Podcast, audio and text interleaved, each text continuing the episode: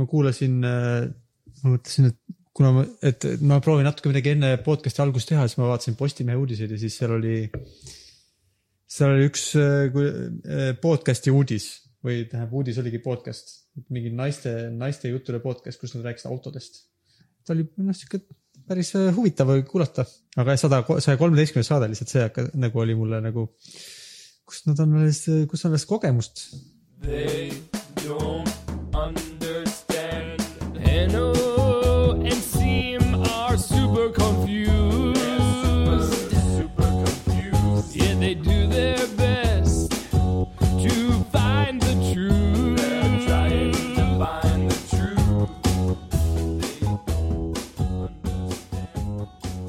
kas meie rääkisime või kus oli juttu sellest, no see oli vist äh, äkki ninety nine percent äh, Invisible'is oli teema, et äh, kõige suurem disainiviga ma maailma ajaloos, et kuidas kõik asjad on disainitud nii, et nad töötavad viiekümnele protsendile inimestest ainult ja see oli sellest, kuidas kõiksugu disaini asjad, mis äh, ei pööra naistele tähelepanu. ja mitte nagu noh, et nad ei ole roosad, vaid selles mõttes ala, et kui on need ametlikud autode ohutustestid et seal ei kasutata näiteks naismannekeene autodes testimisel. vaid et see juba nagu, ma ei tea, kui kaua nad on nagu kümneid ja kümneid aastaid ei ole olnud, et on ainult, ainult meest, meestekujuliste objektidega testitakse autode turvalisust. ja vist nüüd lõpuks Euroopa Liit või võib-olla ma olen sassi, igatahes kuskil astuti suur samm selles suunas, et rohkem olla nagu ka naiste turvalisust arvestada ja nüüd eh, testitakse Äh, mitte ainult meeste mannekeenidega, aga, ka väiksemat kasvu meeste mannekeenidega, mis on nagu rohkem naiste sarnased. aga naistekuulist mannekeeni ikkagi ei ole keegi veel nagu kasutusse võtnud. ja noh, et sedasorti asjad ja seal noh, neid näiteid oli palju, et see on nagu olnud nagu, et vist see reaalselt mõjutab ka, et naised saavad autodes rohkem öö, vigastada ja et naistele viidatakse autode ohutuskirjanduses kui öö, ebastandardse kehakujuga inimestele mm see oli vist jah, ninety nine percent invisible, invisible women on see osa nimi.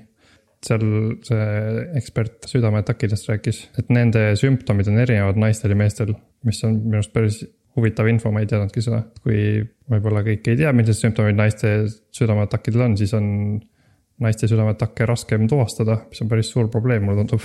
jah, ja see on kõigest viiskümmend protsenti elanikkonnast, eks ole.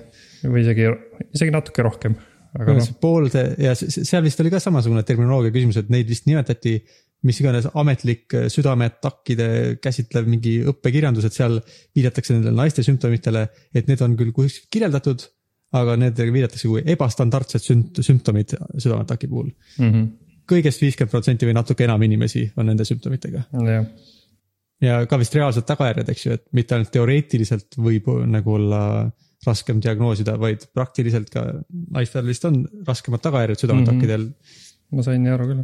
kas just ainult sellepärast, aga noh, et nagu see on, see ei ole nagu sihukene teoreetiline oh,, et võiks olla võrdsem, vaid nagu ilma igasuguse tõlgendamiseta nagu ilmselgelt naistele, naiste peale pole mõeldud ja see mõjub neile kahjulikult ja halvasti.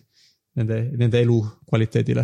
seal täpsemalt siis vist rääkis, et äh, tüüpiline sihuke südameataki sümptom on see, et vist rinnus on hästi valus, on ju, aga nais-. jah, ja vist vasakus käes ka vist või midagi sellist, et käevalu ja yeah. rinnus valus. aga naistel on äh, see rohkem nagu sihuke suur väsimus nagu sihuke, ma ei tea, kuidas eesti keeles on see fatigue. jah, vist äh, jah ja võib-olla ka mingi peas mingisugune peavalu või no midagi sihukest nagu jah, mida sa igastahes seostaks nagu. isegi meie, kellel meil vist ei ole kummalgi südameataki olnud, aga no ma ei tea, kust me siis teame mingitest filmidest või televisioonist, nagu meil on sihuke elementaarsed teadmised selle kohta, et mida, et mis sümptomid võiksid olla.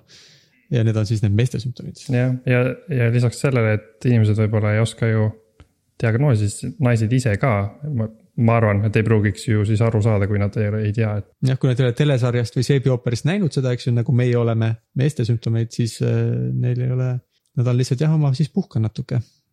jah, karm mm. -hmm. no igatahes selle naiste podcast'iga seoses igatahes siis mul oli mit, mitte, et seal midagi nii äh, jalustrabavat või see, see, aga lihtsalt nagu huvitav kuulata, sest et mul ei ole sihukest äh, kogemust äh, ma naiste seltskonnas, kus nad tögavad üksteist ja ajavad mingit lolli loba kogu aeg. nagu, et meeste seltskonnas ma kujutaksin rohkem ette, kuidas see kõlab, aga siis lihtsalt oli nagu ja et mis teemasid nad tõstatavad või nagu. no lihtsalt nagu oli hu huvitav, see meenutas natuke seda küsimust, et kuidas nagu meeste kogemus on see nagu vaikimise kogemus.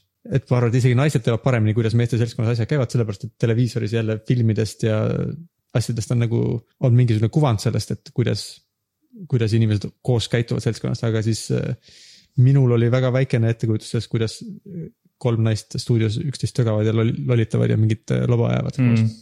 kas sa arvad, et sa kuulad siis seda veel kunagi? ma ei tea, ma ei ole seda plaani omale võtnud, ma ei ole veel subscribe inud, aga võib-olla. kas sa muidu üldse oled kuulanud nagu Eesti podcast'e? vist mitte, see on vist esimene jah, mida ma mm, tea, okay. mäletan, et ma olen kuulanud, võib-olla ma olen jah. sa vist oled omajagu kuulanud Eesti omasid ka, et sa. ausalt öeldes mitte, ma olen nagu proovinud mõnda, ma kuulsin ka mingisugust naiste podcast'i, võib-olla see oli seesama, aga ma ei süvenenud sellesse väga, et praegu, kui sa niimoodi rääkisid, siis ma võib-olla proovin ühe korra veel.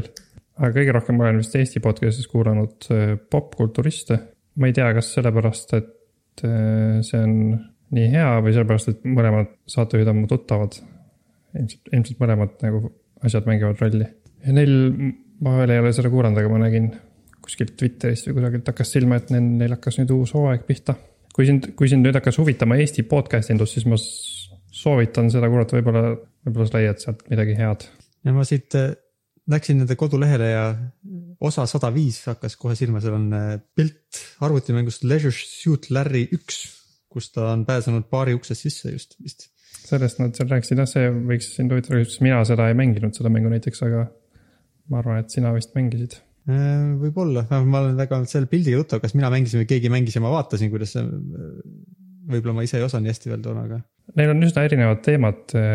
Äh, mõnikord räägivad muusikast, mõnikord raamatutest, mõnikord mängudest, mõnikord filmidest. peaks midagi leidma siit inimest, igasugusele inimesele. ma tahaks ka kunagi muusikast rääkida, aga ma äh, nagu meie saatele oma, võib-olla peaks nagu muusika, kuidas muusika töötab, oleks huvitav rääkida aga ma ei, ma, mina ei tea, kuidas muusika töötab mm., mis on võib-olla väga sobilik. sa mõtled siis nagu põhimõtteliselt nagu matemaatikast rääkida või? muusika, muusika mõttes? No ma ei, mitte ilmtingimata matemaatika, matemaatika võib ka huvitav olla, kui seda nagu ma tean, et vist matemaatilisi ideid kasutatakse küll muusika loomiseks.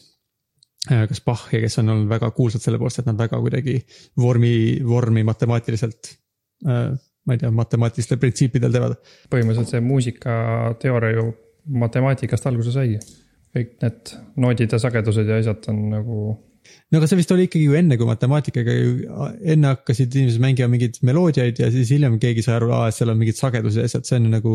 see on nagu matemaatika on üks viis, kuidas sellest mõelda, mis on hiljem nagu, mis on võib-olla väga efektiivne mingites mõtetes, aga aga samas, kui ma, ma olen veidike Youtube'is kuulanud mingisuguseid eri, erinevaid siukseid noori muusikaõpetajaid või kes muusika tegemisest või muusika siukest asjast räägivad. no et kuidas räägitakse sellest, et kuidas üks või teine asi kõlab, et seal on neil mingid, no et see ei ole ilmse, ilmselgelt sihuke nagu hullult teaduslik lähenemine, sa oled, nüüd ma tunnen, et see on nagu siukene, tekkis sihuke ängistav harmoonia ja nüüd tuleb sihuke, ta jõudis tagasi koju ja mingid siuksed nagu et nad oskavad nagu seletada küll, miks nad ühte või teist asja teevad, aga need seletused ei ole siuksed nagu mitte nagu füüsikalised seletused, aa nüüd ma lähen tagasi sellele sagedusele, sellepärast et need sagedused omavahel sobivad kokku, vaid see on nagu kuidagi tunduvalt jah, nagu emotsionaalsem või sihuke. aga ometigi, noh, et emotsionaalsem, aga ometigi sihukene nagu loogiline selles mõttes, et see ei ole nagu suvaline, see on nagu, nad teavad, miks nad neid asju teevad, aga lihtsalt need seletused on siuksed mitte hullult, ma ei tea, ranged mingis mõttes. Mm.. nojah, ei jah, sul on õigus selles mõttes, et see muidugi muusika oli enne kui matemaatika ja teooria. Aga ma mõtlesin, et äkki see muusikateooria, mida meie oma kultuuris tänapäeval kasutame, et äkki see on seotud mingisuguste matemaatiliste mõtetega. No et kus, mis sagedusel mingid noodid on meie jaoks nagu seatud ja nii edasi, et mingis kultuuris on kindlasti hoopis teistsugused need äh, heliredelid. jah äh, ja see, et kuidas me tõlgendame seda muusikat, vist on küll sihuke kultuuripõhine, et kui sa ütled nagu, oo vaata kui kurb meloodia sihukese lääne kultuuriruumis olevale nagu kursis oleva inim-, kes on kasvanud üles lääne mu muusikaruumis, siis ta saab nagu, ta on nõus, nagu ta saab aru, et on mingi minoor on veits nagu kurv või siis mingisugune teine harmoonia on kuidagi pingeline või hirmus.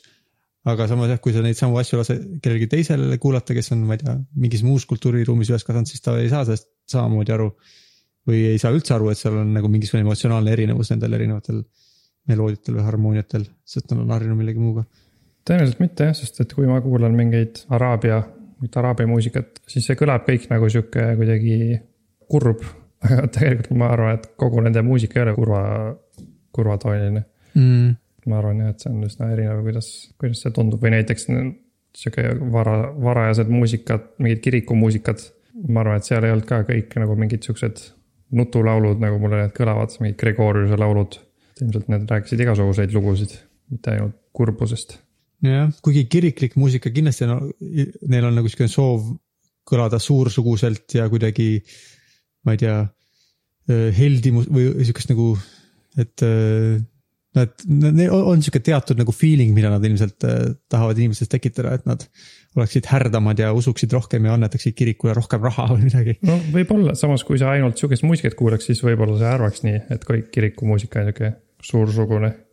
Mm, võib-olla jah, saaks aru nendest no erinevustest. et, et sa võib-olla tead nagu, et on teatud siuksed, no et üks asi ka, et nagu ma arvan, minu jaoks on meloodia või harmoonia on nagu, millest ma kõige rohkem.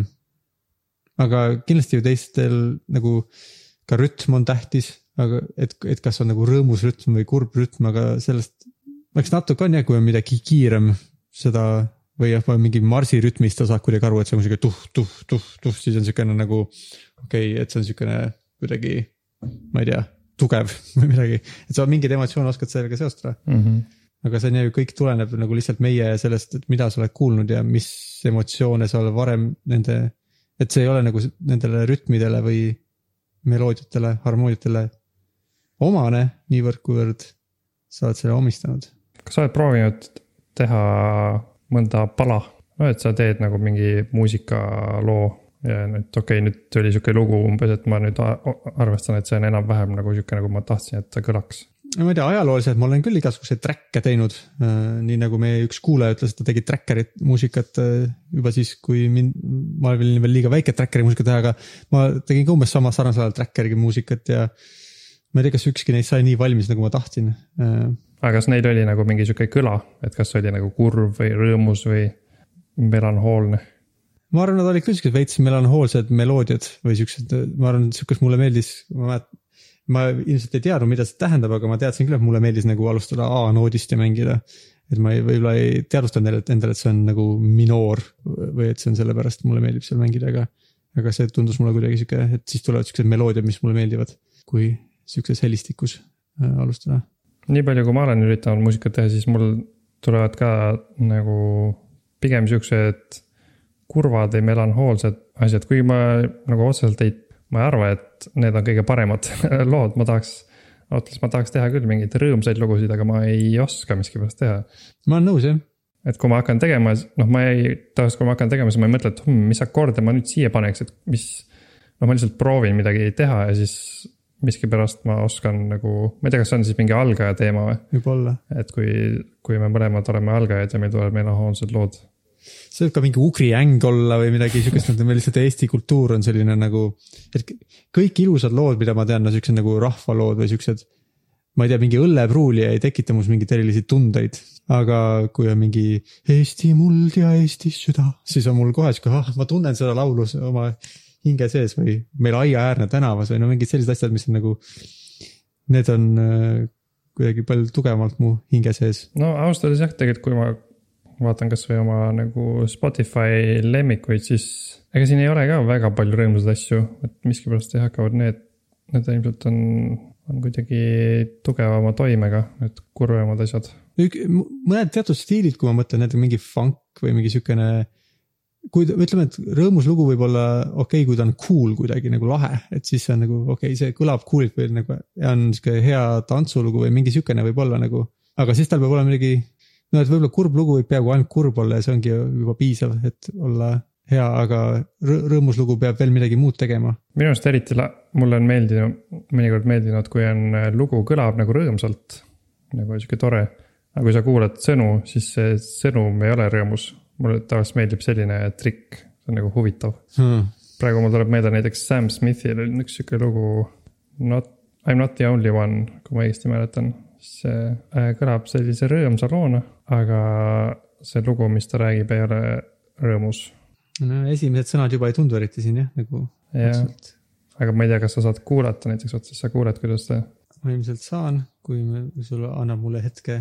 et kui nagu sõnu ei kuulaks, siis kõlab nagu sihuke tore päikesepaisteline ilm võib-olla äh,. muidu sõnade kohta, seni kuni ma kuulan, kas sa, kas sul on mingi arvamus äh,, et nagu, kas sa kuulad laulude sõnu või kas sa paned tähele, millest äh, sõnad räägivad tavaliselt? ma, ma ütleks, et ma vist Mm, rohkem ei kuula, kui kuulan, et kui ma panen mingi muusika mängima, siis ja see on nagu eriti siis, kui see on taustal või ma ei tea, noh, kasvõi sõin rattaga. ma pigem harva hakkan sõnu kuulama, aga ma täpselt ei tea, millest see sõltub, et kas, kas ma ikkagi alati, kas ma ikkagi natuke nagu kuulan ja siis, kui mulle tundub, et on head sõnad, siis ma kuulan rohkem, et ma ei, ma ei tea. Et mulle meeldib küll, kui on head sõnad, see on super kui on hea lugu ja head sõnad, sest see noh, kõige rohkem mul ongi siis meelde jäänud mingid lood, kui neil on nagu selline hea sõnum. aga see on, mulle tundub, et see veits tuleb mul natuke raskelt, et kindlasti ma ei kuule esimese asjana, ma arvan, et kui on hea lugu. ja ma nagu pidevalt kuulan seda, siis ma lõpuks hakkan selle sõnu kuulama, ma arvan, et see on umbes niimoodi minu puhul. Mm, ma vist ei jõua peaaegu kunagi selleni, Merit naerab mulle, kuidas ma ei tea üldse, mis sõna mingis laulus on või mul on nagu okei okay,, ma ei tea, millest, mul ei ole õrna aimugi, millest lauludes juttu on, et et sõnad on mu jaoks peaaegu nagu lihtsalt üks ilusa kõlaga instrument äh, või inimhääl.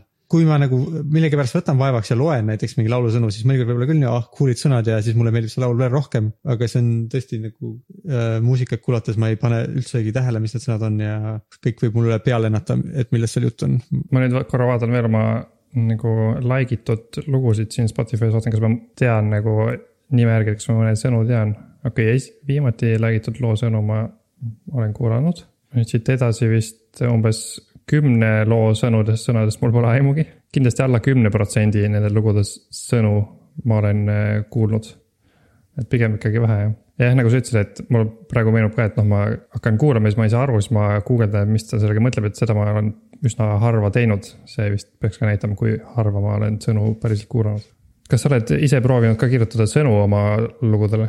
kindlasti, aga no see on, kui ma ei ole see, kui ma ei ole nii hullult tootlik muusikatootja olnud, et äh, mitu korda olen proovinud sõnu kirjutada mitmele laulule, mis ma oma elus teinud olen, nii et äh,. vaata, sa just ütlesid, et sinu jaoks sõnad on nagu üks sihuke ilus instrument, see tuletas mulle meelde ka, kuidas. noh, ma olen ka üsna vähe kirjutanud sõnu, aga tavaliselt, kui ma seda teen, siis ma, ma alguses teengi niimoodi, et ma laulan mingit jura mm., mis tundub, et läheb nagu rütmi ja kõlab hästi ja siis ma hakkan mõtlema, et okei okay,, mis sõnade moodi see nagu kõlab veits ja siis ma hakkan neid kirja panema, et ma alguses mõtlesin, et see on imelik, aga siis ma kuulasin äh, sihukest podcast'i nagu Song Explorer. ja siis ma olen kuulnud, et palju, paljud muusikud teevad samamoodi, siis ma mõtlesin, et okei okay,, ma olen, olen vist õigel teel oma muusikakarjääriga. ma vaatan sihukest Youtuberit nagu noh, natuke nagu Ben Levin ja ma nägin, ta tegi ka põhimõtteliselt nii, et mingi, et aa, ma teen mingi meloodia siin ja siis ah nüüd oleks vist vaja mingit laulu ka ja siis vist võttis mingi, ma ei tea, kas ta oskab mingisuguseid Äh, araabia keelt või midagi, aga võttis mingisugused araabiakeelse luuletuse raamatu lahti ja siis sealt laulis midagi suvalist peale. Ja kõlab päris hästi, et siis nagu sobib. et ilma nagu, nagu muretsemata selle pärast, kas see läheb selle mu teemaga kokku või midagi, et nagu selleks ta, ta ei võtnud sekundit ka, et mõelda või valida midagi, sest okei okay,, nii, nüüd laulame niimoodi siia midagi peale, mis kõlaks cool'ilt. Ma arvan, mina, kui ma juba sõnu teeksin, siis ma tahaks, et seal peab ikkagi, siis peab olema sõnum ja peab olema aga, aga see ei ole kindlasti see, kuidas ma ise tarbin muusikat, siis äh, on imelik, et, et miks ma tahan, miks ma peaks tahtma hullult palju sõnadega vaeva näha ja et seal mingi mõte oleks, kui ma ise ei kuula seda peaaegu kunagi. no eks see, ma arvan, et see lihtsalt, kui sa midagi teed ise, siis ilmselt tahad, et see oleks igatpidi nagu võimalikult hea ja noh, siis ma arvan, et lugu on natuke parem, kui see, need sõnad, mis seal on, tähendavad midagigi, kui et nad ei tähenda mitte midagi mm. -hmm Mm, et seega, kui ma ütlesin, et ma laulan mingeid suvalisi hääl, häälikuid, siis ja hakkan sõnu mõtlema, et siis ma ka ikkagi lõpuks. Eh, noh, see ongi nagu selline nagu sihuke pusle või mõistatus, et sa leiad mingid sõnad ja siis hakkad sinna ümber mõtlema teisi sõnu, mis tähendaks midagigi, sest tegelikult, kui sa mingit loo sõnu loed, siis ega need ei ole ka ju. noh, nagu me rääkisime, et me läheme lugema, mis nad tähendavad, siis ma üldiselt lähen lugema, mida nad tähendavad, sellepärast et need ei ole nagu sihuke lihtne mingi jutt, need on ilmselt ka leitud mingid sõnad, mis lähevad riimi ja siis nagu väljendavad mingeid tundeid, aga need ei ole nagu täiesti selged alati. tihti on mingid äh, viited mingitele teistele asjadele seal sõnades. kuigi mõnikord on ka just, mina hindan küll, kui mõnikord on ka siuksed nagu lihtsad ja selged sõnad, mis on nagu otsekohesed ja ei ole mingi eriline. no vähemalt, et ei ole nagu see mõte või ei ole kuidagi ära, ei ole segane? jah, mõnikord on, mulle ka meeldib mingid siuksed äh, X-Factoris on mõnikord olnud sellised osalejad, kes äh, nagu kirjutavad oma, oma laule ja siis neil on tihti ka siukseid jutustavad laule, need on ka väga head. aga näiteks kui teise, teine ekstreemsus võtta, siis minu arust Rihanna. mulle paljud Rihanna laulud meeldivad, aga paljudest tema sõnadest on väga raske aru saada, sest ma isegi kui ma loen neid, ma mõtlen, et ma ma lihtsalt ei saa aru, mida need sõnad tähendavad, tavaliselt ma lähen sinna lyri- lyrics genius sisse ja siis vaatan, okei okay,, ah see, see rida tähendab, et selle rea kohta on kaks lõiku kirjutatud, ma loen läbi, mida see tähendab ja nii edasi. no eks see on nagu luuletustegagi, sa saad kirjutada luuletuse nii, et iga rida tähendab äh, tervet mingit sajandit. või sa võid kirjutada nii, et iga rida on lihtsalt üks jutt, mida Juhan tegi, kui ta läks pühapäeval jõusaali. jah, ja ma vist hindan seda Juhanit jõusaalis rohkem, mitte et see tähendaks seda, et see peab, et see, et ei või rääkida nagu sügavatest asjadest, eks ju, vaid, või aga et lihtsalt, et ei pea seda nagu peitma mingite allegooriate taha alati. mulle tundub, et siuksed head lood, mis ei ole selged, on pigem nagu tehtud sellepärast sellised, et sul lihtsalt mingeid asju sa ei saa kirjeldada nagu üks-ühele. et kui sa tahad mingeid tundeid kirjeldada, siis mingid tunded nagu lähevad edasi just mingisuguste ridadega, mis ei ole nagu täiesti otsekohesed. mm.. jah, tunded on küll sihuke asi, millest on keeruline rääkida, eks ju, või nagu kõige keerulisem asi, mis on minu jaoks lõhnad on, lõhnadest on keeruline rääkida, aga tunded on kuskil seal lõhnade ja ma ei tea, korteri sisustuse vahepealsed nagu, et, et, et ei ole nagu eriti termineid ja ei ole eriti siukest nagu, kuidas nendest asjadest üldse mõelda. ei ole nagu, nagu me, me koolis ei õppinud ja ei arutanud tundeid, ma ei tea, ma tean, et Eliisel koolis on näiteks, neil on mingisugune sihukene üldine tund, kus räägitakse nii, no et see on mingi health, psychology, mingid siuksed asjad on nagu, kus nad räägivad nii seksuaaltervisest, aga ka emotsioonidest. ja et neil on sihukene tund, mis on nagu minu arust juba eelmine aasta oli, võib-olla isegi üle-eelmine aasta. et see on nagu tore, siis ma loodan äkki tulevased põlvkonnad oskavad oma tunnetest rääkida, sest nad on nagu pidanud neid klassis arutama üksteisega ja nagu on harjutanud seda ja nad on, neil on nagu sihuke ühine keel. Aga ma ei tunne, et ma, mul oleks kuskilt, võib-olla peaks rohkem lugema raamatuid ja asju, siis oleks, saavutaks ka seda. huvitav jah, et me ei õppinud koolis tundeid. ma ei mäleta küll, et oleks kunagi jutuks tulnud, et tundub, et sa, sul on natuke vihane praegu, mida sa, kuidas sa sellest, kuidas sul see emotsioon tekib, mis see põhjustab? nojah, oma tundeid nagu haldama. päris hea oleks osata oma tunneid hallata. Võib-olla kuskil kirjanduse tunnis oleks saanud, kui sa mingit raamatu kohta kirjutad, siis oleks saanud kirjutada sellest, aga ma ei mäleta, et me oleks siin tunnis arutanud või et mingite karakterite mingeid emotsioone. ette küll ei tule, aga see on nagu kõige lähem asi, mis mulle üldse ette kujutan. ma mõtlen küll tihti, et me peaks, et võiks, võiks ju nagu iga õhtu üritada kirjutada mingeid laulusõnu midagi, sest see on lihtsam muusikat tegema hakata, kui on tunne, et tahaks nagu selle muusika poolega tegeleda. see on hästi mõnus, kui sul on mingi hunnik laulusõnu, mis sa oled kirjutanud ja siis sa saad lihtsalt hakata neid laulma. Aga ma kuidagi ei ole ennast suutnud panna seda tegema. aga Eesti Laul ju varsti juba tuleb, nii et mul ei ole palju aega. kas millal, kas sa tähtaega tead, millal on Eesti Laulu peab esitama? ma ei tea ausalt öeldes, vist mingi detsember millalgi. ma vist kohe ei leia ilmselt siit kuskilt Eesti Laul kaks tuhat kakskümmend ajakava. esitamise tähtaeg septembrist kuni novembri kesk, no kuuenda novembrini on aega. okei okay,, kuues november mm,. see on varem, kui ma arvasin. ma mõtlesin, et ta on mingi detsember. kuues november kell kaksteist, kui see on tähtis. jah, see on vist tähtis, sest tavaliselt, tavaliselt sellisel ajal on seal need fotograafid seal ERR-is ja siis sellisel ajal toovad need äh, kõige kuulsamad inimesed oma laule. ja siis saavad nagu fotograafid ja kaamerad ja siis äh, pärast on Ringvaates või kuskil on sihuke väike jupp sellest, kuidas, kuidas Uku Suviste tõi viimasel minutil oma selle aasta loo siis peab ka lihtsalt, sa pead ka ajaliselt peab minema siis sel ajal ilmselt, et saada võib-olla ka, et kuidagi kaadrisse või. mm. -hmm. Peaks jah, või just mitte, oleneb, oleneb, mis ma tahan. seda me arutasime ka Liisaga üks päev, et tähendab, ma küsin talt, kas ta teab selle kohta midagi.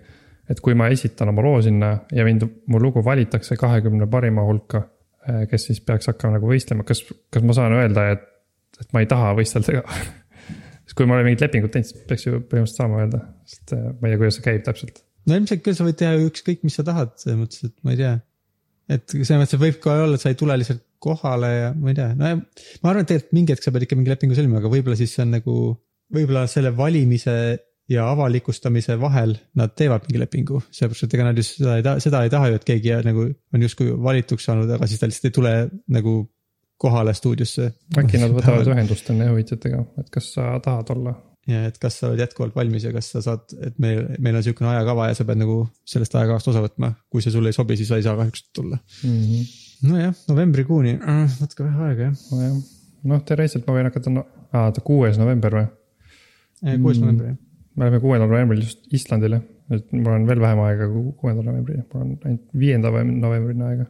esita oma laul siin, saab internetis esitada, aga kuidas, kui sa Uku Suviste tahad koha peale minna aa, internetis saab ka esitada, see on kaasa, see on midagi uut. äh,, vähemalt äh, kui siin oli kohe nupp, et esita siin ja nüüd on mul mingi vorm, mida täita osalustasu või? mm. -hmm. ma ei teadnudki, see teeb asja natukene aga eesti keeles on kakskümmend viis eurot, aga kui sa tahad muus keeles, siis peab olema seitsekümmend viis eurot. hmm,, huvitav, kas see on nagu eesti, eesti keele propageerimiseks? no ma teen siis eesti keeles ja viimasel nädalal on kallim topelthind, mm,. okei okay., nii et äh, ära jäta viimasele hetkele. peaks hakkama siis juba esitama. mitmekeelne laul on ka kallim, nii et kui sul on, võib-olla sa ei tohi yeah öelda vahepeal või nagu mingi oh yeah baby, kui sul on sihuke repliik sees, siis, siis juba läheb kallimaks. hea, et sa, hea, et me sellest rääkisime, nüüd ma sain igasuguseid asju teada, mida ma ei tohi oma loo sisse panna nagu võõrkeel ja, ja et ma pean hakkama, hakkama varem esitama. kui see sind lohutab, siis ma ei ole ka üldsegi, ma olen mõelnud küll, kuidas ma tahaks muusikat teha, aga ma vahepeal lugesin oma seda muusikateooria ra- raamatut, mis ma äh,. Kas see oli Music Theory for Dummies konkreetselt vist, mis jah mul on, sa vist näitasid mulle seda, et sul on sihuke. et ma seda natuke lugesin ja siis ma sain teada mõningaid asju muusika kohta. äkki kuna sa tead teooriat, siis saad mulle aidata seda muusikat teha. ma tean teooriat, ma arvan vähem kui sina oma muusikakoolist, et mul on lihtsalt nagu, aa, et on olemas akordid ja siis on nagu esimene akord ja siis viies ja siis tagasi esimese peale, see on tavaline progressioon. see on niisugune nagu kõige, et ma nagu olen terminitega tuttavaks saanud, mida ma võib-olla enne kõiki, umbes poole raamatu pealt hakkas tulema, nii et okei okay,, seda ma, sellest ma olen enne kuulnudki. okei okay,, huvitav, ma peaks ka selle läbi lugema, äkki ma saan siis kiiresti tagasi lainele, helilainele. võib-olla, ma arvan, et seal ei pruugi olla eriti midagi, mida sa ei tea, et see on tõesti, ta on väga sihuke lihtsalt tutvustav, et nagu mm,. et aa, see on, need on noodid ja see on rütm, need on erinevad. ma ei tea, helistikud, niimoodi saavad helistikke ja siis sa võid niimoodi koostatakse akorde, need on mõned tavalisemad akordid, nii pannakse neid mõnikord järjest ja siis nagu noh, selles mõttes ongi siuke nagu kohad, kust edasi uurima hakata, kui sa tahad midagi no et isegi mul ei ole sealt väga palju midagi, midagi nagu oo, et ma nüüd võtan selle idee ja siis teen sellega midagi, et see on nagu rohkem okei okay,, see on üks viis, kuidas muusikast mõelda või muusikast rääkida või. aga hea teada, kõige ekstreemsem vist, kus ma vaatasin, oli vist siukene video Youtube'is nagu, kus äh, räägivad äh,, kes räägivad. ma tean Jacob Collier ja mingi üks väga äh, Ben, mingi Ben, ei, kas on Ben, mingi väga kuulus äh, Bernie Hancock räägivad omavahel, tähendab te, tegelikult Jacob Collier räägib seitsmel erineval tasemel, mis on harmoonia ja lõpus ta räägib Bernie Hancockiga ja nad arutavad omavahel ja siis see on nagu siukene nagu täielik nagu nagu eelnevad tasemed on siuksed, ma saan aru, et okei okay,, nad räägivad terminites ja midagi siukest nagu mis kõlab nagu muusikateooria, siis kui nad Bernie Hancockiga räägivad harmooniast, siis nad on täiega, vaata ma tegin nii, kõlab ju ägedalt ja, ja siis nagu kuidagi nad on nii ühel lainel, ma saan nagu aru, et nad tõesti nagu vahetavad mingeid ideid, aga see on mingil täiesti in, nagu arusaamatul tasemel, kuidas nad nagu üks muudab mingit akordi natuke ja teine muudab seda teistmoodi ja siis naeravad, ahaa, see oli päris cool ja no mingi sihuke. ma ei kujuta ette, kui palju saab nagu kuidas, kui palju tööd ja arusaamist on vaja, et muusikast sellisel tasemel nagu aru saada, kuidas nad seda seal et kui mingid teised inimesed räägivad nagu teoreetiliselt, siis seda ma kujutan ette, et ma võin õppida, et ma loen nagu mingid raamatud, aa okei okay,, nagu siuksed harmooniad ja mis iganes ja mingi harjutada ja siis saada, okei okay,, ma saan aru, mis see point on. aga nad räägivad nii nagu intuitiivselt nii keerulistest, keeruliste, keerulistest kõladest, et äh, ma isegi ei kujuta ette, kuidas see nagu, kuidas see võimalik on. mul tuli meelde sellega seoses, ma vaatasin ühte videot, kus üks naine räägib, üks pianist räägib klaveril muusika komponeerimise kuueteistkümnest keerukuse astmest. Kas see oli Naare Sol või? jah, just, kas sa oled näinud seda? ma olen seda näinud jah. see oli ka päris huvitav, nagu ka sihuke, et justkui saad aru kõigest, millest ta räägib, aga see tundub nii nagu hoomamatu, mida ta teeb seal samal ajal. alguses on nagu lihtsam, see on nagu lihtne, aga lõpuks läheb nagu keeruliseks, väga huvitav. Need muusika on ka ikka sihuke, see ei ole, aga samas vist on mingid inimesed, kes teevad seda tõesti täiesti intuitiivselt, on ju, et äh, ja ka keerulisi asju, mitte lihtsalt, et oo, et ma tegin mingi kantri rahuvaikse laulukese intuitiivselt lihtsalt proovisin, mis hästi kõlab, aga mõned vist ka siukseid keerulisi, keerulisi asju, ilma et nad oskaksid hullult täpselt seletada, mis, miks nad seda teevad ja mm.. jah, vahepeal on äh, juhtunud igasuguseid kosmoseteemalisi asju, ma ei tea, kas peaks tegema mingi kosmoserubriigi mm,? no mis seal kosmoses siis juhtunud on, ma ei olegi hullult kursis nüüd viimastel nädalatel olnud, ma kuulsin, et sa vaatasid, kuidas India lastel ei läinud väga hästi vist. ma vaatasin jah, vist üleeile või, oli see, kuidas India üritas maan-, maandada kuu peale ühte mehitamata masinat. põhimõtteliselt kuukulgurit äh, üritas maandada. et neil oli juba kuu orbiidil oli üks äh, orbi-, orbitaaljaam, tahtsid siis saata sealt orbitaaljaamast sellist moodulit kuu peale. ja siis äh, ma vaatasin seda laivis, see oli nagu huvitav oli vaadata. noh, see, see käib niimoodi, et see orbitaaljaamast siis eraldus see kuldkuri osa, mis on nagu sellise rakettmootoriga seade ja siis selleks, et or-, kui sa oled kuu orbiidil, sa tahad kuu peale maanduda, siis sa pead hakkama nagu enda kiirust aeglustama. et kui sa mm -hmm. orbiidil kiirust aeglustad, siis sa lõpuks hakkad kukkuma pinna poole gravitatsiooni pärast mm. -hmm. see on nagu see, et mis me rääkisime, kahurikuul, et orbiidile läheks, siis peab lihtsalt ette kujutama, kuidas ta lendab kogu aeg üle nagu.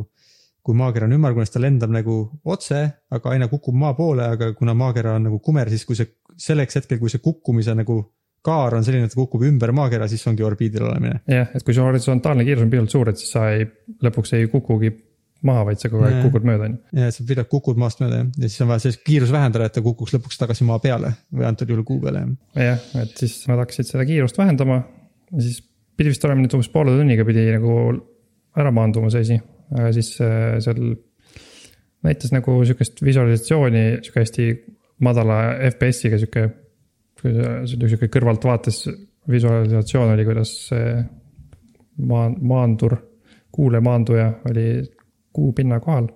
ja vahepeal näitas ka mingit graafikut, et kui palju, kui madalad on jõudnud langeda. ja siis komment-, kommentaatorid rääkisid ka. Et ma vaatasin, üsna uniselt vaatasin seda ja siis mingi hetk oli nagu, kuidagi jäi nagu pidama see asi, et kommentaatorid ütlesid nii, et nüüd on veel kaks kilomeetrit kuu pinnast. nii et nüüd on nelisada meetrit ja siis noh, oli sihuke tunne, et iga hetk peaks nüüd maanduma. aga siis see nagu venis ja venis, siis nad seal, see narraator ütles ka, et we are waiting for confirmation ja siis nad seal ootasid ja ootasid ja siis. ma ei olnud iseenesest mõelnud seda, et äkki neil ei õnnestu see, mõtlesin, et noh, et vaatan ära, kuidas ta maandub. Ja siis ma hakkasin, kuidagi tundus nagu imelik see asi, et inimesed nagu rääkisid omavahel, narraator oli juba tükk aega vait, viimati mingi ütles nagu mingi kümme või kakskümmend minti tagasi, et we are just waiting for the see oli viimane rida, mis ma kuulsin mm. -hmm. ja siis peaminister oli ka seal kohal mingis loožis, vaatas pealt. ja siis ma nägin, et mingid mehed läksid peaministriga rääkima. Mingid kaelakaartidega, ilmselt mingid nagu teadlased. ja siis mees, kes peaministriga ära rääkis, siis teised mehed ta ümber patsutasid teda õlale nagu. siis ma mõtlesin, et kas see tähendab seda, et nagu kõik on hästi või nagu kõik on halvasti ja siis peaminister läks koos oma nagu eskortidega lihtsalt minema sealt, siis mõtlesin, et see ei ole ka vist hea märk. ja siis ma vist jõudsin mingi hetk magama juba jääda, mul olid AirPodid kõrvas ja siis ma kuulsin, keegi hakkas lõpus rääkima midagi, et. Nad äh, vist seal koostasid siis nagu pressiteadet ja siis lõpuks öeldi, et jah, kahe koma ühe kilomeetri kõrgusel oli viimane kontakt ja siis nad kaotasid kontakti selle maan-, maandujaga mm päris kurb jah. kurb jah, põnev oli vaadata, sest ma ei, ma ei teadnud, mis toimub, sest keegi ei rääkinud seal midagi, kui see nagu läks äh, halvasti. lihtsalt näitas nagu mitukümmend minutit juba oli seesama graafik ees, kuidas see asi on mingi neljasaja meetri kõrgusel ja. mingi hetk ma hakkasin kahtlustama, et see vist, midagi on vist valesti, sest et noh, kui kaua sa ikka ootad kinnitust, et ta on maandunud. muidu nende mõte oli selles, et maanduda sinna, ma ei mäleta, kas põhjapoolusele või lõunapoolusele. Vist lõunapoolusele, et seal vist on mingid Äh, jääd, tahtsid seda jääd uurida, et kas seal on midagi huvitavat, millest saaks kunagi tulevikus äkki midagi kaevandada ja ehitada või teha mingit kütust. et selles mõttes oleks olnud hea asi, mida mm, teha, aga kahjuks ei õnnestunud jah, see on ju nii nagu, nii palju vaeva läheb sellesse, eks ju, et äh, esiteks ma arvan, selle kuu kulguri, noh. Loomulikult on see vaja kõik esiteks välja mõelda, aga siis on vaja kõike valmis ehitada, siis kogu see suur missioon, et sinna kohale saata ja siis no praktiliselt lõpus nagu viimastel hetkedel äh, midagi läheb katki. jah, sel, sellepärast oligi ka nagu sihuke pingeline vaadata seda, et ma mõtlesin, noh, seal enne ka nagu narraatorid või need eh, kommentaatorid seal rääkisid, kuidas juulis rakett lasti sinna õhku ja kõik läks hästi ja see on olnud seal orbiidil.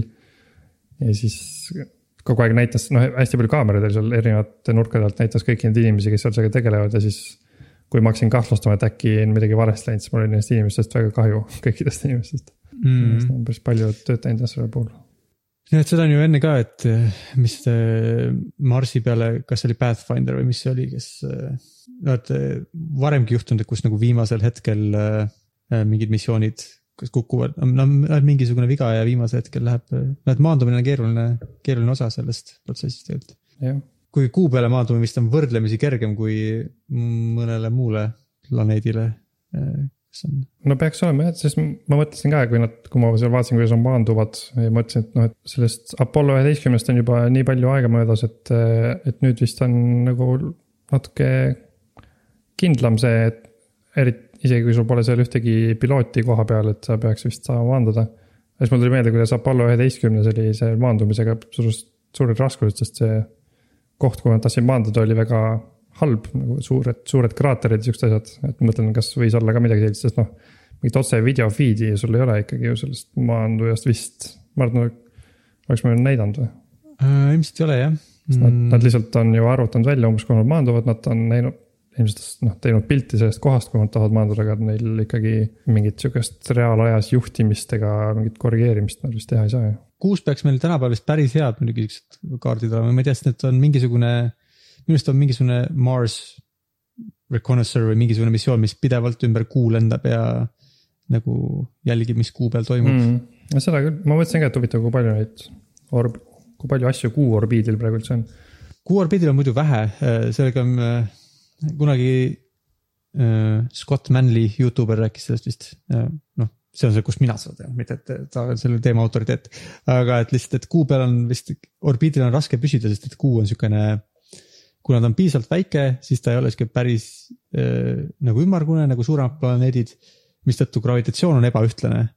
ja siis seetõttu asjad kukuvad seal orbiidilt üsnagi kähku alla üldiselt äh,. et selle orbiiti on vaja pidevalt korrigeerida, sul peab kütust olema, et seal püsida, siis ei saa nagu sinna, kui me sealt nagu maakerale võime suht äh, mingile orbiidile panna midagi piisavalt kõrgele, et atmosfääri ei oleks, siis ta püsib seal nagu väga-väga kaua äh,. lihtsalt on vaja korrigeerida natuke, võib-olla, et millegagi mitte kokku põrgata äärmisel juhul. aga et siis kuu peal on vaja pidevalt nagu aina kütust, et üles ja ülespoole lükata ennast, et äh, see ebatasased vormid sind aina lähemale sikutaks. okei okay,, ma ei teadnud seda, huvitav. Mm, et siis vist seal ei ole väga palju, et seal on mingi pikaajaline missioon vist on, mis kogu aeg jälgib kuud. ma ei tea, kuidas nad seda tegid, nad arvutasid mingi, vist leidsid mingi kõige sobivama siukse nagu äh,, nagu äh, läbilõike kuust, mis on kõige rohkem ringikujuline ja proovivad selle ümber nagu äh, keerelda ja eks ta vist kasutab mingit kütust ka äh, siis veel üks kuuga seotud uudis oli see, et Iisrael saatis kuu peale ühe masina, mis maandus väga kiire hooga vastu kuupinda ja seal peal olid, äh, kuidas eesti keeles, kuidas need loomad eesti keeles on, tart-, tardigrades, kohe vaatame mm,. mingi veekarud või mingi sihuke või ma ei tea, mingi nunnu nimi oli neil vist või? loimur? loimurid jah naljakas nimi. loimurid olid seal, äh, selle masina peal, mis Iisrael sinna saatis. loimurite kohta vist on veel vaja oluline mainida, kui alati, kui nendest kosmose kontekstis rääkida, siis nad on loimurid on siuksed pisikesed loomad, kes on ühed kõige vastupidavamad äärmistele nagu, äärmisele keskkonnale, eks ju, nad võivad vist vaakumis tükk aega elada ja väga külmas tükk aega, no mitte nagu elada, aga püsida siukses seisundis, et kui nad hiljem tagasi nagu niiskesse sooja kohta panna, siis nad ärkavad nagu uuesti ellu, et neil on siuke nagu väga-väga vastupidavad mm. -hmm. jah, vist kõige vastupidavamad elusolendid, mida me teame, on ju. jah, see oli jah, see on oluline asi selle juures, et eh, põhimõtteliselt nüüd see asi crash'is sinna kuu peale, nüüd need loimurid on seal kuu peal laiali ja et nad vist siis jah, nagu ei funktsioneeri praegu, kui ma õigesti aru saan, aga mm -hmm. nad mhm. saaksid ärgata ellu, kui, kui neil on natuke paremad tingimused, on ju. et võib-olla, kui mõni satub seal kuu, kuu peal selle mingi niis äh, jäätüki peale, mis päikese käes sulab, siis võib-olla korraks mõni võib isegi äh, turgata ellu seal mingiks hetkeks, teoreetiliselt võib-olla näiteks, ma ei tea tegelikult, kas, no vist vaata, et neil õhku on vaja, aga, aga hapnikku võib-olla on vees vaja, ma ei tea mm. -hmm. igatahes praegu on kuu peal mingid loomad, eh, kes teoreetiliselt ei ole surnud mm. -hmm. ei ole päris elus, aga ei ole päris surnud. jah äh,, ma praegu loen ka, et nad on, eh, need loomad on nagu dehydrated ehk kuivatatud mm. -hmm. no nad vist iseseisvalt teevad seda, kui nad nagu ei ole sobivas keskkonnas, siis nad kuidagi kuivavad ise kokku, et see on üks sellest trikkidest, mis neil on, et nagu elus püsida või noh, elu, potentsiaalselt eluvõimelised püsida. naljakad näevad välja need loimurid. siuksed natuke nunnud, natuke nunnud jah, kas inglise keeles on water bears äkki? vist oli jah, inglise keeles water bears. Eesti keeles võib öelda ka tardikraadid. Tart-, tardikraadid, tardikraadid, mikroskoopilised nelja paari lülistumata jalgadega loomad. okei okay,, see äh, väikesed veekarud on, tuleb nende avastajalt vist tuleb välja. Johann Augustus kas ta oli veekaru Eberheim Koets äh,, avastaja või? mm? -hmm. avastaja, ma oletan, et oli inimene, kas, kas hiinlastel oli ka mingi kuumissioon mingi aeg tagasi või ma mäletan valesti või see oligi see äkki see Iisraeli oma no hiinlastel oli see, kus nad taime panid sinna kasvama, on ju. -huh. sellest, sellest me vist juba rääkisime ma praegu lihtsalt, mul on meeles läinud, kas see Iisraeli asi, kas see pidi crash ima või?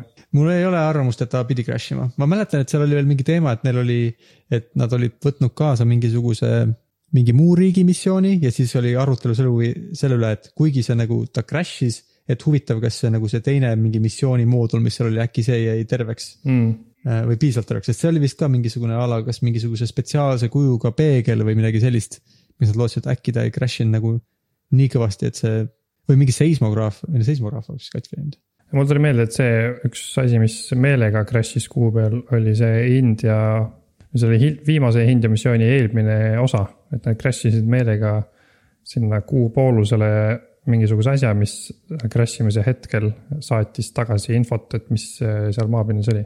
Crash imine, kas see mingit eestikeelset sõna võiks kasutada selle asemel, kokkupõrge või? mm. -hmm. kokkupõrge tahtlik kokkupõrge. Wiki, Vikipeedias on sihuke artikkel nagu inglise keelest otse tõlgituna tahtlikud kokkupõrked äh, maavälistel kehadel. jah, no see on vist sihuke ta- tavaline või no kas tavaline strateegia, aga sihuke trikk jah, et kui sa kuhugi sisse. Nad vist äh, neid komeete, mida nad on nüüd uurimas käidud, on ka äh, Jaapani missioon vist äh, tulistas mingit torpeedo sinna või mingi asja vastu komeeti. ja need mingit-, need olid päris huvitavad, need kihvid, mis nendest Jaapani asjadest tuli. Et nad vist, Jaapani kosmosetiim siis ka vist äh, siis meelega, põhimõtteliselt nagu põrkus vastu komeeti või? ja siis võttis sealt kaasa midagi. mul on tunne, et neil oli isegi mingi eraldi sihuke nagu moodul või noh, ma ei tea, kas torpeedo on õige öelda, aga no mingi asi, mille nad põhimõtteliselt lajatasid sinna vastu jah, et nagu, et neil oli, neil oli eemal oli mingisugune see suurem äh, osa sellest kosmose, mis iganes asi ta siis oli. Kosmoselaevast jäi siis sinna komeedist natuke eemale ja lasi mingi väiksema asja sinna vastu, mis pidi vist, kas ta võib-olla oli isegi, et lõhkeaine oli seal peal, et ta pidi nagu seal peal äh, plahvatama, nii et mingid tükid komeedist lendaks välja äh, ja siis see nagu kaugemal olev asi vist pidi neid kinni püüdma, et nagu aru saada, mis, millest see komeet tehtud on. okei või. mingi selline, see oli siukene mitmeosaline trikimanööver, mis nad seal ette võtsid. jah, Hayabus-, Hayabusa kaks oli selle nimi. Kui niimoodi hakata loetlema, siis on ikkagi päris palju huvitavaid asju toimub kosmoses, siukseid nagu mm,. ma ei tea, kas, kas nüüd ongi, toimubki rohkem või me lihtsalt, sest meie oleme seal, pöörame, pöörame sellele rohkem tähelepanu või, või meedia ja ühiskond pöörab nüüd rohkem tähelepanu. mm. ma ei tea, kas jah, see on hea küsimus jah, et kas kosmoses toimubki rohkem asju või siis meie podcast jätab kõikidele inimestele mulje, et seal toimub rohkem asju. mm. -hmm. sest praegu meil on siin juba neid kuu asju oli mingisugune, mis kuu peal on viimase, ma ei tea, no aasta jooksul toimunud oli siukene neli, neli tükki või üks, kolm, neli, kolm või neli, see tundub päris palju. mm. -hmm. päris palju jah, ja siin detsembris vist on jälle mingi Hiina läheb kuule. mul tuli veel üks sihuke põnevam kosmoseuudis meelde, kas sa seda lugu kuulsid, kus kosmosest äh, võib-olla sooritati kuritegu? ma vist, oota, see kõlab tuttavalt, aga ma ei mäleta praegu, mis see täpselt on, räägi edasi. kuritegu on muidugi, ei ole selge, kas see on vaidlust, vaidluse all, aga ühesõnaga üks kosm-, kosmosejaamas elav astronaut vaatas oma äh, endise partneri pangakonto seisukorda kosmosejaamast.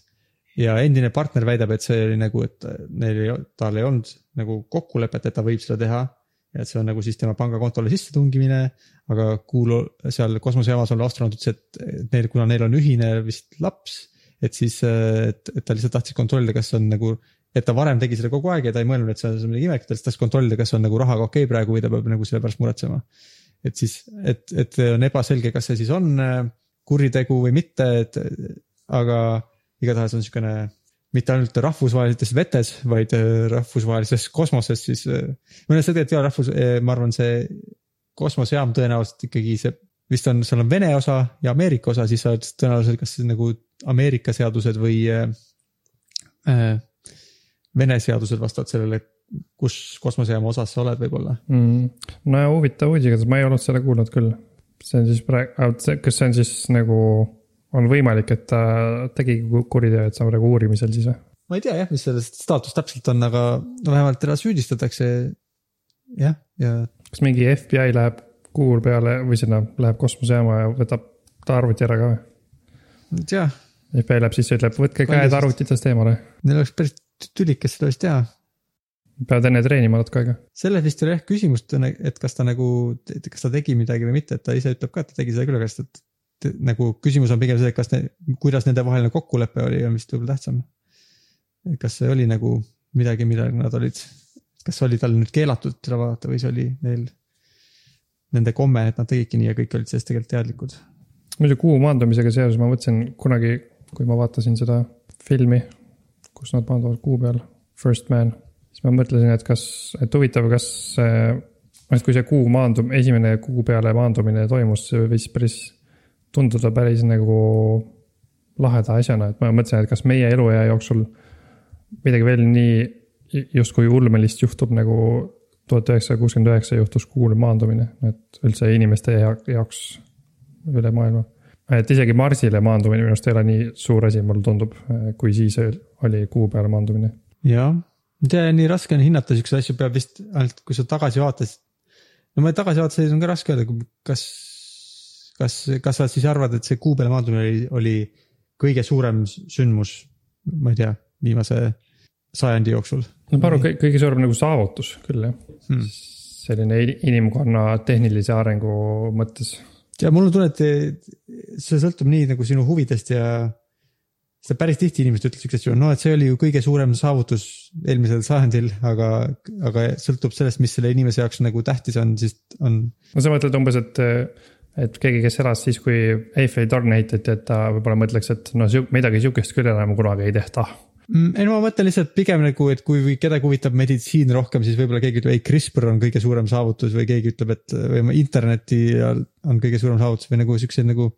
no seda jah, jah, no ma ei tea, mis ma täpselt sellega mõtlen, see tundub ikkagi nagu sihuke asi, et äh, noh, et keegi tegi mingi plaani ja siis hakkas seda tegema ja siis see õnnestus, et noh, mingi CRISPR ja mingid nutitelefonid, need on nagu ilmselt natuke siuksed sujuvamad asjad, et ma saan aru, et need on ka suured saavutused. aga et see tundub mulle sihuke hästi konkreetne asi umbes, et noh, ma ei tea, noh, keegi lendas oma jetpackiga üle Inglise kanali, et see on ka nagu selles mõttes sarnane, et ta lihtsalt üritas midagi teha ja tal õnnestus, aga see, noh, see ei ole kindlasti nagu nii lahe asi, see on suht suvaline asi. no veits, on, selles mõttes natuke loll küsimus, et sellele ei saagi vastata põhimõtteliselt. ma võin ette kujutada küll igast, eks võib ju igast cool asju võib veel avastada, mis võivad nagu mm, või keegi teha. Aga jah, selles mõttes see on tõesti, et see on sihuke hea väga,, väga-väga selge sündmus, kus oli, inimene oli konkreetselt redeli peal ja sai mõned sõnad öelda ja astuda redeli pealt kuu pinnale ja siis oli nagu see hetk, see inimene seal just praegu, see nagu sümboliseerib kogu seda progressi, see on nagu. aga kui sa võrdled internetiga, siis mingi keegi ühendas mingeid kaableid natuke, siis ühendas veel rohkem ja siis keegi kirjutas mingi. kirjutas mingi programmi ja kirjutati veel üks programm ja mis hetkel see siis nüüd täpselt oli see nagu. ei olnud nagu see, et, et inimesed tulid, paneme arvutid, ühendame kõik nüüd kokku ja nüüd hakkame e-base'ist asju ostma, et mm. -hmm kuna mul see, ma panin seekord tunni aja taimeri käima, et me kindlasti ei teeks hullult kaua, et tund aega sai nüüd täis. Mm.. peaks nüüd hakkama lõpetama, midagi olulist, olulist vist ei rääk-, jäänud rääkimata, nagu sa ütlesid, üks kirjutaja kirjutas, kuidas ta kasutas vanasti vanu programme. Kas ma võtsin hästi kokku? Ta kirja? jah, ta pidi ka käsurida kasutama, ma sain aru mm, -hmm. et sellepärast, et tema vana programm oli käsurea programm. sellega, et ta... ta kasutas seda DOSBox, mis on nagu DOS-i emulaator, on ju. -hmm. mul tuli sellega meelde, et ma umbes, umbes korra aastas vist kasutan seda DOS-box'i. sest et äh, Liisal tuleb jälle tunne, et ta tahaks mingit vana arvutimängu mängida, tavaliselt see on äh, Civ, Civil, Civilization üks, tavaliselt see mäng, mida tahab mängida. jah, DOS äh, on siis, kas see on üks mingi operatsioonisüsteem, mis on veelgi vanem kui Windows, Windows üheksakümmend viis ja Windows kolm üks ja enne seda oli DOS, mis oli mm. -hmm. kas see tavaliselt inimesed kasutasid seda vist Norton Commanderiga või mingi sellise asjaga ma just tahtsin küsida, et kas see DOS, kas Norton Commander oli nagu siis programm, mis jooksis DOS-i peal või? Mm -hmm. sa panid arvuti käima ja siis sa kirjutasid NC ja siis läks Norton Commander käima, kus oli mm. -hmm. kaks siukest sinist paneeli, kus sai faile ühelt poolt teisele poole kopeerida. ja mm. -hmm. sai minna mingisse kataloogi ja vajutada exe faili või .com faili peale enter ja siis programm käivitus tavaliselt, vähemalt minu puhul oli selleks programmiks tavaliselt mingi arvutimäng. minu puhul ka, ma sellepärast küsingi, et mul, et kui ma olin nii väike, kui ma olin ja seda kasutasin, siis ma, ma vist arvasin, et see Norton Commander ongi nagu see operatsioonisüsteem. ma ei teadnud, et see on programm, mis jookseb Mm. tegelikult, tegelikult operatsioonis, sest et noh, ma, see on ainus viis, kuidas ma seda kasutasin. jah, sest et seal tegelikult äh, ma arvan, päris tihti võis ka kirjutada selle nc autoexec.bat faili, et see kataloogis ja siis ta läks kohe arvuti käivitamise käima siis võib-olla oligi siukene. ei olnudki seal mingit siukest vahepealset etappi, kus olid ainult musta ekraani peal ja pidid midagi kirjutama. võib-olla küll jah, sest jah, mul oli küll tavaliselt nii, et ma panin arvuti käima, siis tuli sinine Norton Commander. siis ma läksin, valisin exe faili ja siis ma läksin mängu sisse, jah, okei okay.. no aga lõpetame siis selle Norton Commanderiga selle osa ära. mm. -hmm. Kas meile kirjutada ja joonistada jätkuvalt võib ma arvan, et võib, ma ei ole ammu vaadanud seda emaili, sa vist, sul vist on sellest parem ülevaade. mm,? ma ei ole märganud, et kui midagi on tulnud, siis on läinud kuhugi spämmi või kaduma. ma olen viimasel ajal näinud midagi, keegi ei ole meile kirjutanud ega joonistanud. nii et kui tahate kindlasti midagi öelda, siis võiksite üldse helistada. numbrit peate ise üles leidma. või ukse taha võib ka koputada võib koputada jah, küsida, kas Henno on kodus või kas Siim on kodus. ja kui öeldakse, et ei ole, siis tuled homme jälle nagu vanasti mm,. jah, kuidas siis on äh, ei saa aru, et ei saa aru ee või, või Facebook kaldkriips ei saa aru, on sobivad kohad. jah, või siis, ma ei tea, kas peaks Twitteri ka tegema lõpuks. nii et viitima siin asju jah, ja, ja Instagrami. jah, peaks tegema need jah, sest et äh, kuulajaid on vaja ju kuidagi juurde saada ja seda saab teha ainult sotsiaalvõrgustikes. Mm -hmm. Mul tuli veel üks asi meelde, millest ma tahan, mitte seekord me ei räägi sellest kindlasti, aga millest oleks huvitav rääkida, kuidas poliitika töötab või kuidas ühiskond töötab. Mm. ma ei tea, ma ei tea, kas nüüd just järgmises osas, aga see on üks asi, mis ma, ma olen Eliisega lugenud siukest Politics for beginners, mis on siuke lastele raamat ja seal on igast poliitilistest, kuidas poliitika töötab. oh, see kõlab, see raamat kõlab hästi, sest mina ei tea, kuidas poliitika töötab mul pole eriti aimugi, sa võiksid mulle rääkida küll järgmises osas sellest me võime seda arutada, kuidas me arvame, et maailmas asjad tegelikult käivad mm. Äh, -hmm. kuidas nagu, kuidas, kuidas ühiskond kujuneb ja kuidas reeglid kujunevad nii, et nagu nad on. Mm -hmm. see, see mulle meeldiks. okei okay, okay., aga ma siis sõidan koju tagasi. oli tore jälle su häält kuulda, Henno. jah, oli tore sinu pilti ka näha õige, ma, kuidas, on Henno ja mm,. tõepoolest. jah, tšau siis. tšau.